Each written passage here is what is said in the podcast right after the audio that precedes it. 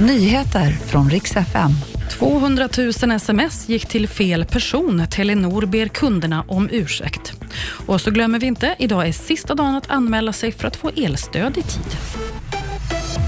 Nyheterna ska börja med en viktig påminnelse. Idag är nämligen sista dagen att anmäla sitt bankkonto till Swedbanks kontoregister. Och det här gäller för att få ut sitt elstöd snabbast möjligt. Du som står på kund på ditt elnätsavtal är den som ska gå in och anmäla ditt bankkonto till kontoregistret senast idag. Och Det är alltså Swedbank som har kontoregistret och det gäller även för dig som har ett vanligt konto hos Swedbank.